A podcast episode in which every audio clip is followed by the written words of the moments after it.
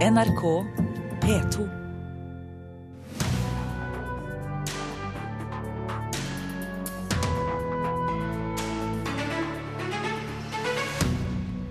Norske kunstnere slår ring om Nasjonalgalleriet som sted for visning av kunst. Regjeringen vil ha ny utredning om hva det skal brukes til. Mediene må slutte å mobbe mulla Krekar, mener generalsekretæren i Norsk Presseforbund. Det er ikke ham vi latterliggjør, det er politikerne, svarer Dagbladets redaktør. Og Fredagspanelet diskuterer Språkrådet, årets bokslakt og hvorvidt kunst egentlig er lampe. Du hører på Kulturnytt med Birger Kålsrud Aasund i studio. Regjeringen skal legge en ny plan for hva Nasjonalgalleriet og resten av bygningene på Tullinløkka i Oslo skal brukes til. Hele området, og spesielt Nasjonalgalleriet, har vært omstridt og betent i årevis, og politikerne har ikke klart å finne en løsning. Staten skal tømme galleriet når Nasjonalmuseet flytter til nytt bygg i 2019, men flere kunstnere slår fast det ærverdige bygget må brukes til kunst. Det kommer i hvert fall ikke til å være bensinstasjon her, eh, så mye kan jeg, kan jeg si. Men stort mer enn akkurat det ville ikke kommunalminister Jan Tore Sanner si da han varsla at det skal legges nye planer for hva som skal skje med Tullinløkka i Oslo sentrum. Jeg håper at, eh, at dette blir et, eh, et område som, som, brukes. Nå er det stort sett biler som, som står her. Plassen inneholder flere monumentalbygg. Juvelen blant dem er Nasjonalgalleriet. Når nytt nasjonalmuseum står ferdig i Bjørvika i 2020, ønsker flere at det fremdeles skal vises kunst i det gamle Nasjonalgalleriet. Bl.a. har aksjonsgruppa for Nasjonalgalleriet markert seg sterkt for å bevare bygningen som galleri. Vårt nasjonalgalleri er et nasjonalt ikon. Sa Fredrik Torp i aksjonsgruppa til NRK i november. Nå får gruppa støtte fra flere sentrale norske kunstnere, som krever at en også i framtida må kunne se kunst innenfor de historiske veggene. Vi tar for lite vare på de lange linjene og lange trådene. Når du i London bygger Tate Modern, så, så stenger du ikke Tate Britain for det, f.eks. Så du, du tar vare på det du har og bygger videre på noe nytt. Sier billedkunstneren Håkon Gullvåg. Han mener bygningen uten kunst bare vil være et tomt skall. Det handler også om at dette eh, bygget har vært en aktiv del av utviklingen av norsk kunst gjennom så mange år. Eh, at eh, det blir jo ikke det samme, det blir jo bare et skall. Han får støtte fra kunstnerkollega Marianne Heske, som mener Nasjonalgalleriet fortjener plass på Unescos verdensarvliste. Det er Nasjonalgalleriet som vi har her i Oslo, i Norge, en unik kombinasjon, en unik installasjon av norsk gullalderkunst og arkitektur. Det er helt, eh, helt unik. Også nestor i norsk billedkunst, Håkon Bleken, er klar i talen. Det er et såpass eh, tidstypisk og, og karakteristisk bygg nettopp bygget for kunst at jeg skjønner ikke vitsen med at det da skal kunne brukes til noe annet. Det er absolutt motstander av. Men kulturminister Toril Vidvei, som hittil har holdt korta tett til brystet, vil fremdeles ikke si hva hun mener er den beste løsninga for galleriet. Altså, jeg har jo opplevd at det er veldig mange meninger om hva Nasjonalgalleriet bør brukes til. Og jeg har sagt eh, tidligere at jeg eh, imøteser eh, konkrete forslag, og at man gjerne må komme med sine forslag og få lufte det. Det som jeg tror er viktig, det er at man ser hele området i sammenheng nå og får en vurdering på det. og Så får vi se hvilke behov som er der for hva eventuelt de ulike bygningene kan huse i framtida. Det sa Vidvei til reporter Lars Ivar Nordahl. Kulturkommentator i NRK Agnes Moxnes, eh, for folk som ikke kjenner Tullinløkka, hva slags område er dette? Nå er vi rett bak Universitetet i Oslo, altså det gamle, fine universitetet som ligger øverst i Karl Johans gate, rett nedenfor eh, Slottet. Det er en løkke som er liksom rammet inn av nasjonalklenodier som universitetet og universitetets aula, Nasjonalgalleriet og Kulturhistorisk eh, museum. Men det har altså vært debatt om dette området siden det ble drenert på 1850-tallet. Første gang det var oppe i bystyret i Oslo var på slutten av 1800-tallet, hvor de bestemte at det skulle være park. Etter 1972 så har det vært to store arkitektkonkurranser, hvor man da bestemte at man skulle bygge ut Nasjonalgalleriet på denne løkka. Eh, og begge disse arkitektkonkurransene de ble stoppet bl.a. av Nasjonalgalleriets venner og bypatrioter. Så det er et stjerneeksempel på hvor langvarig en debatt om byutvikling kan bli. Så bare det å ta i dette området, det betyr nesten garantert bråk. Mange hadde jo håpet eh, på å få et svar fra kulturministeren. Om hva Nasjonalgalleriet skulle brukes til. Tror du vi får det nå? Altså Det er jo Nasjonalgalleriet som er smertepunktet her. Det er gått uh, syv år vel siden regjeringen bestemte, den forrige regjeringen bestemte at man skulle bygge et nytt uh, nasjonalmuseum, som nå bygges bare 300-400 meter unna Tullinløkka, til 5,5 milliard kroner. Eh, men både denne regjeringen og den forrige regjeringen har jo hatt rikelig med mulighet og tid til å si noe vettugt om dette galleriets eh, betydning og statens ansvar i forhold til det. Nå tar de nok en omvei. Samtidig så er jo dette en måte å få røkt ut av alle de argumentene som finnes, for å få en åpen diskusjon, som da bør kunne avslutte 160 års eh, krangling. Kunstnerne mener jo da altså at Nasjonalgalleriet må fortsette som kunstmuseum. Er det realistisk? Ja, si det. det. Hvis det skal være et museum, så er det nødt til å være et skikkelig godt museum som trekker folk. Og det som skjer nå, er jo at både Brudeferden i Hardanger og hele Munch-samlingen blir jo flyttet ned på det nye Nasjonalmuseet. Så her er noen nødt til å tenke helt utrolig smart. Eh, ikke minst fordi at vi vet at det er veldig sterke krefter som ser andre muligheter med Nasjonalgalleriet. Og det er da Universitetet i Oslo og eh, Oslo kommune som nok ser for seg at man har mulighet til å gjøre om hele dette området til en stor og flott campus for Universitetet i Oslo. Så med denne konseptutvalgsutredningen da, som nå skal settes i gang, så starter rett og slett den virkelige kampen og siste kampen om Nasjonalgalleriets fremtid. Dette er finalen? Nå går vi inn i finalen, ja. Agnes Moxnes, takk for at du kom til oss.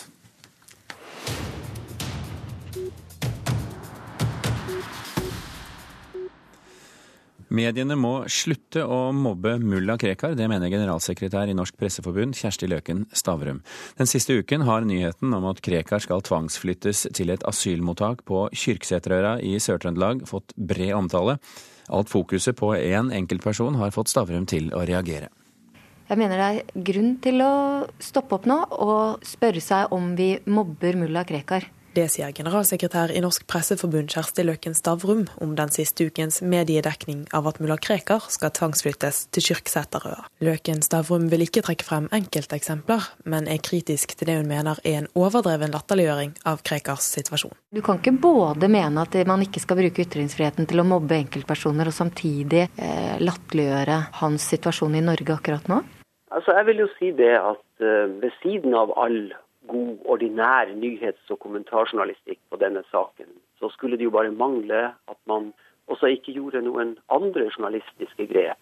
Sier sjefsredaktør i Dagbladet Jon Arne Markussen, som ikke kjenner seg igjen i Løkken Stavrums beskrivelse. Markussen er heller ikke enig i at det er Krekar selv som får gjennomgå. Altså, Krekar-saken kom ikke nå, den har versert i tolv år i norsk offentlighet. Og hvis det er noe man skal le av her, så er det politikerne. Reporter her, det var Ingvild Fjelltveit. Komiker Bård Tufte Johansen arbeider med et religionskrenkende sceneshow som har fått navnet Krenk 2015. Showet går ut på å se hvor langt norske komikere kan gå i å krenke ulike religioner før salen slutter å le, skriver Dagbladet. Tufte Johansen sier han fikk ideen etter, eh, etter terrorangrepet mot Charlie Hebdo, og at Norge er et av få land i verden hvor man kan arrangere noe sånt som dette. Knut Nærum, Harald Eia, Are Kalve, Else Kåss Furuseth og Sigrid Bonde Tusvik eh, samt Lisa Tønne har allerede bekreftet at de er med. Det kan gå mot rettssak mellom Hunderfossen familiepark i Lillehammer og Caprino filmsenter. De to partene har siden i fjor sommer vært i konflikt om rettighetene til berg-og-dal-banebilen Il Tempo Extra Gigante, og i februar skal det være planleggingsmøte for en eventuell rettssak. Filmsenteret mener at parken har benyttet bilen fra Flåklypa-filmen som modell for den nye berg-og-dal-banen uten å spørre om tillatelse, og de har dermed hentet bilen. Torbjørn Rødland er en av våre betydeligste fotokunstnere, og nå gjøres han stas på i ikke mindre enn to visningssteder samtidig. Henny Onsdag kunstsenter i Bærum og Galleriet Standard i eh, Oslo. Mona Palle Bjerke, kunstkritiker her i NRK. Hva er det ved denne kunstneren som gjør at han fortjener såpass med oppmerksomhet? Ja, nei, han er jo en kunstner som har noe helt eget, og som fortsetter å fascinere oss. I sine da iscenesatte fotografier så har han ofte, eller han lader hverdagen med noe underfundig og av og til uhyggelig, og er jo en mester i å skape denne dobbeltheten mellom noe høystemt og noe åndsforlatt. Mange har jo et forhold til disse bildene hans fra slutten av 90-tallet og begynnelsen av 2000-tallet, som er nesten blitt sånne ikoner i fotohistorien i Norge, som er f.eks. der han har et vakkert landskap, og så står det en person med ryggen til, sånn som hos de gamle romantikerne Caspar David Friedrich f.eks. Men det er alltid et trivielt element som bryter fortryllelsen og bringer det ned på jorden, f.eks. en Rimi-pose eller et par stygge joggesko eller noe sånt. Så han tar liksom de romantiske klisjeene, og så gir han dem en eh, twist. Mm. Utstillingen på eh, Henny Onsdag kunstsenter, hvis vi tar den først, det har altså fått navnet Sasquatch Century, altså århundret til denne mytiske figuren Sasquatch, som mange også kjenner som Bigfoot en slags metafor, da, skal vi tro, på en skrekkinngytende og fantastisk og uforklarlig ting. Hvordan fungerer denne tittelen for deg? Jeg syns ikke tittelen er eh, utstillingens sterkeste side. Eh, for jeg tenker at det er aldri helt lurt å ta et ord som i hvert fall for meg var ganske ukjent, og jeg tror for mange er ukjent. Det kan eh, i verste fall da lukke utstillingen fremfor å åpne den, da, som man ofte tenker at en tittel skal. Men det er jo en mindre innvending, og jeg tenker at det, det som er i hvert fall veldig flott, det er det verket han har skapt, et filmatisk verk som heter Blues for Bigfoot, og som er en kollasj eh, av eh, fort raske synsinntrykk. Det er jo da F.eks. en elv som renner og renner under tunge løvtrær. Det er en gul eh, snegle som beveger seg langsomt over våt, brun jordbunn. Du kan formelig lukte eh, denne filmen. Det er et utbrent hus med gapende vinduer og eh, fargerike papirstrimler som blåser i vinden. Og så er det bakenfor da, noen såre bluesakkorder eh, og vekselvis da en stemme som for, litt sånn ubehjelpelig forteller om sitt møte med det ubegripelige. Så dette er veldig, et veldig sterkt verk. Får vi noe helt annet på Galleri Standard? Ja, på Standard så får vi, har jo på Henny Onsdag Kunstsenter et overblikk over hans karriere. Eh, mens på Standard er det nye arbeider, og selvfølgelig er dette en mindre omfattende utstilling. Et veldig flott verk der er vår Red Wine, White Wine, som er, viser da en litt kraftfull skål, får man nesten si. To hender som lar to glass støte sammen, og hvor han har da fanget dette øyeblikket hvor det står en sky av vin og glasskår som en sånn formasjon i luften. Og her viser han jo eh, fotografiets evne til å fastholde et øyeblikk. Men så vet vi jo at det, det kan jo ikke stoppe tiden. ikke sant? Så et fotografi er alltid et øyeblikk som har passert. Er det to gode utstillinger? Dette er to veldig flotte utstillinger som supplerer hverandre, og som gir oss et rikt innblikk i dette toneangivende kunstnerskapet. Men er det bilder som er vanskelig, å, vanskelig å forstå og tolke eh, symbolikken i for oss eh, som er gjennomsnittlig kunstinteresserte? Absolutt ikke. Han beskrives jo som en rockromantiker, og han, akkurat som rocken så har hans bilder en veldig direkte og umiddelbar appell. Det går i sansningen, i følelsene, og dette kan alle ha glede av. Mona Pallaveke, takk for at du kom til oss i Kulturnytt. Klokken er 16,5 minutter over åtte. Du hører på Kulturnytt, og dette er eh, toppsakene i Nyhetsmorgen nå. Kriser gjør kvinner sykere enn menn, ifølge forskere. Europarådet mener regjeringens forslag om økt bruk av mobilovervåking kan være i strid med menneskerettighetene. Og Saudi-Arabias kong Abdullah er død. Nå overtar halvbroren hans som statsoverhode. Det har allerede fått konsekvenser for eh, oljeprisen. Da er fredagspanelet klart. Jeg kan i hvert fall se to av dem på plass. Og eh, kaller opp også Anders Oppdal, sjefredaktør for Nordlys i Tromsø. Er du på plass? God morgen. God morgen. Her i studio møter du, Anders, eh, Inger Merete Hobbelstad, kommentator og kritiker i Dagbladet. Velkommen. Takk. Carl Fredrik Tangen, samfunnsgeograf og høyskolelektor ved Oslo markedshøgskole. Takk. La oss gå rett på sak. Språkrådet søker ny direktør. Den forrige gikk av for to år siden. Men Språkrådet, har, Språkrådet har blitt irrelevant for folk og er bare opptatt av kommaregler, hevdet professor i tekstvitenskap Lars Kjellars Berge, som var ønsket av det forrige styret som direktør, men det ble det aldri noe av. Så altså, er dere enige? Vi kan begynne med deg, Oppdal. Har Språkrådet gjort seg selv irrelevant? Nei. Nei med forbehold. Nei. Hva er forbeholdet? Eh, forbeholdet er at det stemmer at Språkrådet har blitt veldig lite synlig. At i den store samtalen om hva er det norske språket, hvor er det på vei, eh, skal, altså, skal, ting tillates, ikke tillates i større eller mindre eller liberal eller konservativ grad, så opplever jeg ikke Språkrådet som en tydelig utadvendt aktør. Altså, dette er jo en ting som angår fryktelig mange mennesker. Men nå har jo Språkrådet et kjempemandat, og at det er mye ting de gjør bak kulissene. Og Men hvis de er faktisk... blitt usynlige, så er det vel også gjort seg selv irrelevant? Eh, kan du ta et eksempel på en annen måte. Da. De har jo bl.a. hatt eh, ansvaret for et prosjekt som heter Klarspråk, som går på at meddelelser og brev fra det offentlige skal bli klarere og tydelige. Det var et problem at dette var vanskelig å forstå. Og der har det jo påvirket massevis av menneskers liv uten at disse stakkars menneskene vet engang. Så det er jo hyggelig å på en måte fortelle, for Språkrådet er kanskje ikke så god å fortelle det selv alltid. Og det er en flott ting. Karl Fredrik? Men også sjølve den tematikken. Så hvordan skal du skrive ting? Hvor skal det være komma? Det er jo vanskelig og noe folk er opptatt av. Så, så Språkrådet er jo relevant fordi de driver med disse liksom hverdagslige, det hverdagslige pirket, som vel Kjell Lars Berges kritikk uh, går på. Jeg synes Det går kanskje an å diskutere er det viktig, er det det Språkrådet bør drive med. og er det sånn, og, og, um, Burde vært noe annet, altså, burde vært en annen pedagogisk jobb de hadde. Sånn, F.eks. lære at det, så, at det, er ikke så farlig. Men uh, viktigheten er ikke problemet. Nei. Eh, Oppdal? Til å legge til rette for debatt, så er jeg til en viss grad enig i, i, i, i kritikken eller i, i denne superrådpåstanden. Men, men, hvis du tenker på funksjonen, som Inger Merete påpeker, så, så, er jo jeg også der at, at Språkrådet gjør en viktig jobb. Språket utsettes hele tida for små, nesten umerkelige endringer. Og det er jo her Språkrådet spiller en rolle inne og røkter og, og, og guider oss frem. Sånn at, jo, jo, men dette vet vi jo, Oppdal. Spørsmålet er eh, hvis Språkrådet blir eh, mer usynlig, som Hobbelstad indikerer her, eh, vil ikke det også innebære at det blir mindre betydelig? Eh, nei, altså det, det, det, er jo ikke alt som ligger i, i, en debatt eller i offentlighet. All makt ligger heldigvis ikke i offentligheten. Det skulle egentlig tatt seg ut. Man utspiller en, en definert funksjon og har, gjør det også gjennom en del handlinger. Men, men det er klart at jeg tror ikke det hadde skada noen om, om, Språkrådet hadde vært mer tydelig. Og jeg tror at vi trenger en bredere og mer høylytt debatt om, om språk og språkets utvikling i norsk offentlighet. Og da syns jo jeg også at Språkrådet skal spille en rolle. Alle er fornøyd?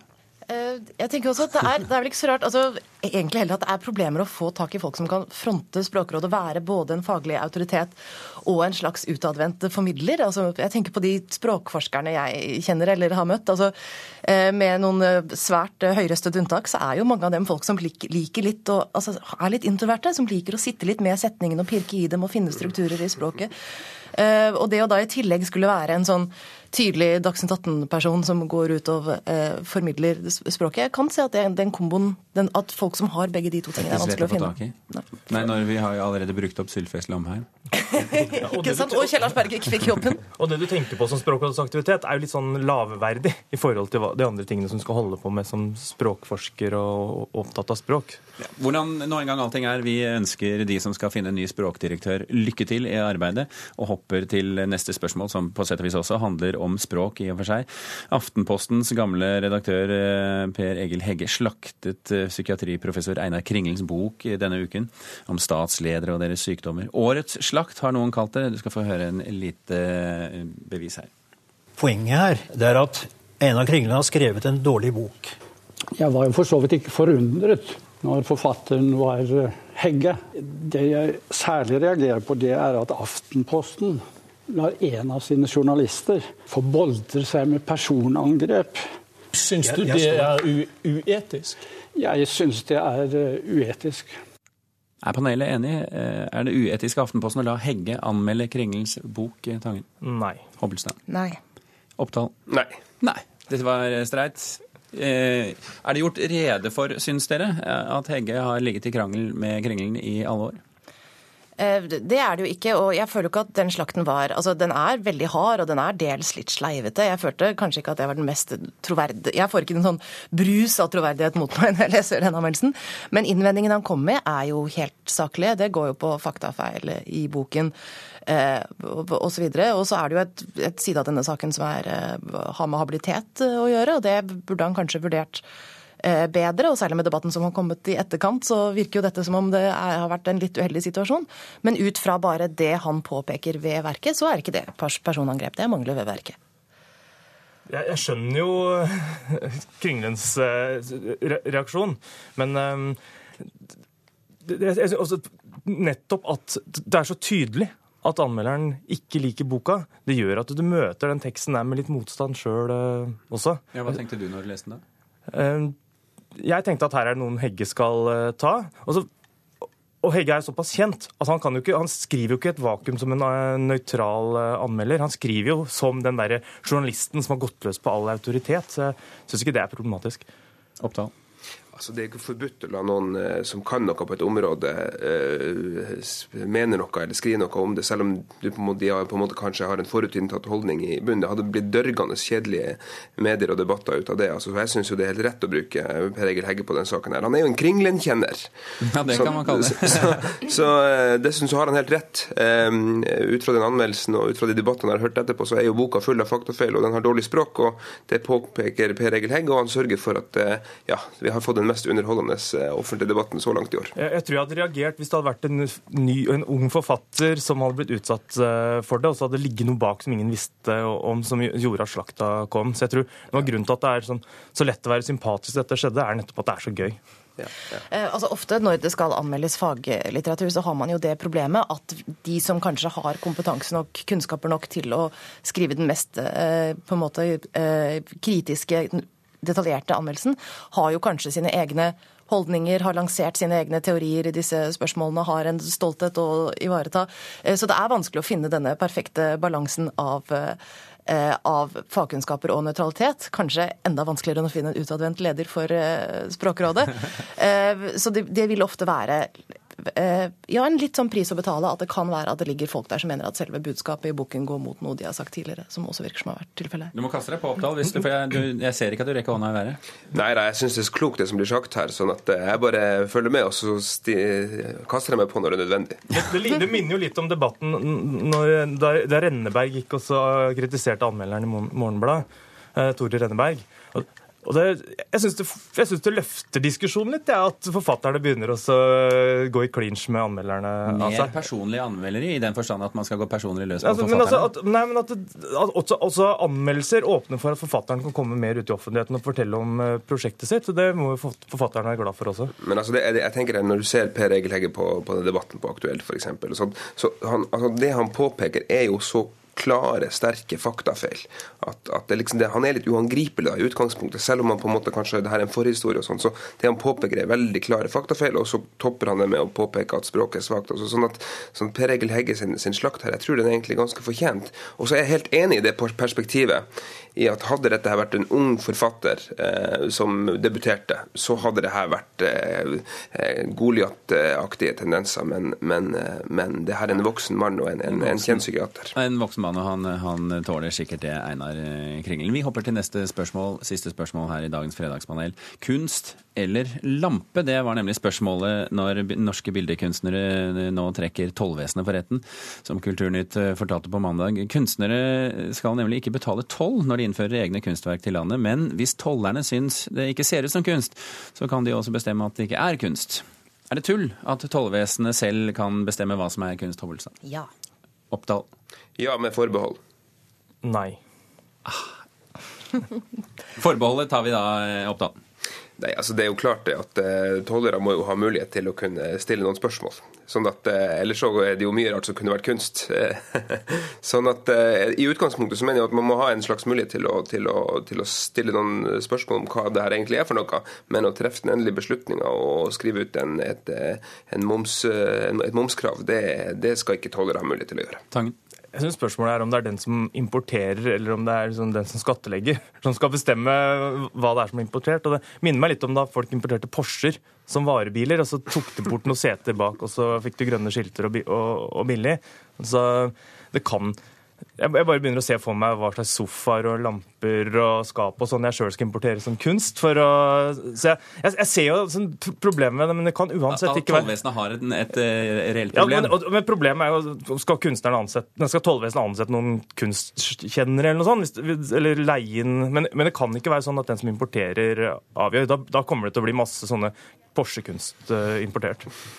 Ja, det er jo den store diskusjonen her, tenker jeg. Det er hva kan man få til å være kunst i en tid hvor alt er kunst. Jeg lurer på neste gang jeg går gjennom tollen med et par flasker vin ekstra, at jeg skal si at det er en performance, da, hvis jeg blir eh, stanset av noen vennlige mennesker eh, der.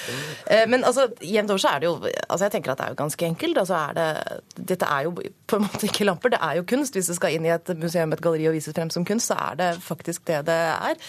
Og så man, og da på en måte så skal man jo ikke straffes for at man lager kunst som har lamper i seg, i stedet for å drive med eh, litografier, f.eks. Eh, men altså for enkelthets skyld så kan man jo se for man kunne få en eller annen form for dokumentasjon. altså Hvis man er på vei til et galleri eller er Eh, bestilt på noe som helst vis. At man bare for enkelthets skyld kanskje bør ha et lite brev på innerlomma som forteller at eh, dette er ikke det det ser ut som det er. For i det øyeblikket du kommer inn i et annet rom, så slutter det å være en lampe og begynner å bli kunst. Så, så hva gjør man, eh, hva gjør man Oppdal, hvis dette kunstbegrepet som heter ready-mades, altså ting som blir kunst av å si at det er kunst, og så skal man ha det over grensen. Hva gjør man da, hvis tollerne sier nei? Nei, da må du jo skaffe en slags form for bekreftelse eller få en uh, vurdering ut av det på noe slags vis. Jeg tror jo ikke at dette er verdens største problem, for å si det sånn. Jeg tror det er større trusler mot uh, norsk uh, kunst- og kulturliv enn akkurat Men Det kan jo være mye penger for en kunstner, da? Ja, kanskje i enkelte enkelttilfeller og sånt, men, men altså, jeg tror jevnt over at, at det er mulig. Altså, og så er det jo sånn at, at altså, det, det, er en umulig oppgave, tenker jeg også. Det er litt sånn urettferdig å si at tollvesenet skal kunne avgjøre det her. Altså, det er mye som er kunst som er vanskelig for menigmann å kunne se, kunst, se er kunst. Altså, og Tollvesenet har for så vidt sin kompetanse, men ikke kunstkompetanse. Så jeg mener at det må være en tredjepart inne i bildet som avgjør, og så er det veldig greit med sånt dokumentasjonsspor. Kanskje, kanskje dette kan vitalisere Tangen, eh, diskusjonen om hva som er kunst? Ja, men toll, tollvesenet har i grunnen ikke greie på noen ting som tollvesen. Altså på motorkvalitet på biler eller på utslipp tips eller altså, De må jo bare settes, de må jo få ekspertise på alt mulig, og det må du på kunst òg. Uansett, her, Oppdal, nå rekker jeg hånda i været og sier eh, takk for følget så langt. Eh, Anders Oppdal, redaktør i Nordlys. Inger Merete Hobbelstad og Carl Fredrik Tangen, tusen hjertelig takk for at dere utgjorde Fredagspanelet. Marianne Myrhol, Andrea Kvamme Hagen og Birger Kolsrud Jåsund takker for følget. Hør flere podkaster på nrk.no podkast.